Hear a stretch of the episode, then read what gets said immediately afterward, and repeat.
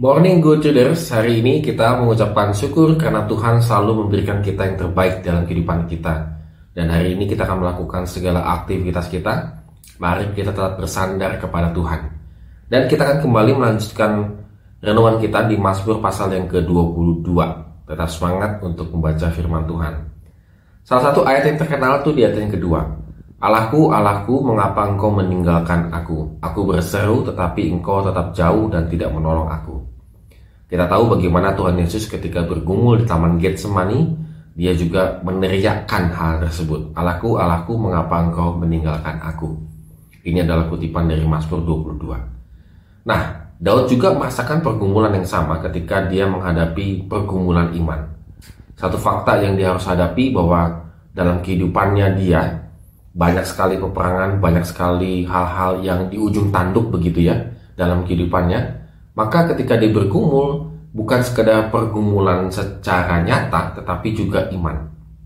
Bahwa seolah-olah Tuhan itu diam dan tidak bertindak. Namun, Mazmur ini juga menyingkapkan dengan jelas bagaimana seorang percaya berseru kepada Tuhan dalam pergumulannya. Ia berseru tetapi menyadari bahwa Allah berkuasa dan akan menyelamatkannya. Ayat 4, 9, 11, dan 12 mengungkapkan hal ini. Jadi ini adalah pergumulan yang cukup unik. Di satu sisi Tuhan seolah-olah diam. Di satu sisi dia mengimani bahwa Tuhan itu akan menyelamatkan dia. Jadi ini namanya pergumulan iman. Galaunya tingkat tinggi gitu ya. Nah kalau kita lanjutkan lagi kita renungkan lagi. Eh, keadaan seperti itu dapat menggoda orang orang yang sudah percaya kepada Tuhan untuk jatuh ke dalam keputusasaan. Karena kita selalu beratnya itu adalah Allah itu tidak bertindak, Allah itu cuma diam saja, tetapi kita tanda petik disuruh dipaksa untuk tetap percaya kepada Tuhan. Bukankah banyak iman kekristenan yang demikian gitu ya, yang terjebak di tengah-tengahnya. Tetapi Daud balik lagi mengajarkan untuk mengan, untuk uh, beriman kepada Tuhan dan tidak meninggalkan uh, Tuhan dalam kehidupannya. Ayat 4 sampai dengan ayat ke-6. Bagaimana pada masa lampau uh, ia tidak pernah meninggalkan Tuhan. Uh, maksudnya Tuhan tidak pernah meninggalkan mereka. Good readers pada hari ini kita kembali lagi di di di ini ya ditegur Tuhan lah ya bahwa dalam pergumulan kita yang sedang dalam keadaan galau di persimpangan dan seterusnya kita memang sering kali mengambil keputusannya adalah putus asa begitu ya ya sudahlah pergumulan yang saya sedang hadapi ini saya hadapi sendiri tanpa ada jawaban. Bahkan iman saya cenderung malah makin lama makin lama makin berkurang, bukan makin bertambah.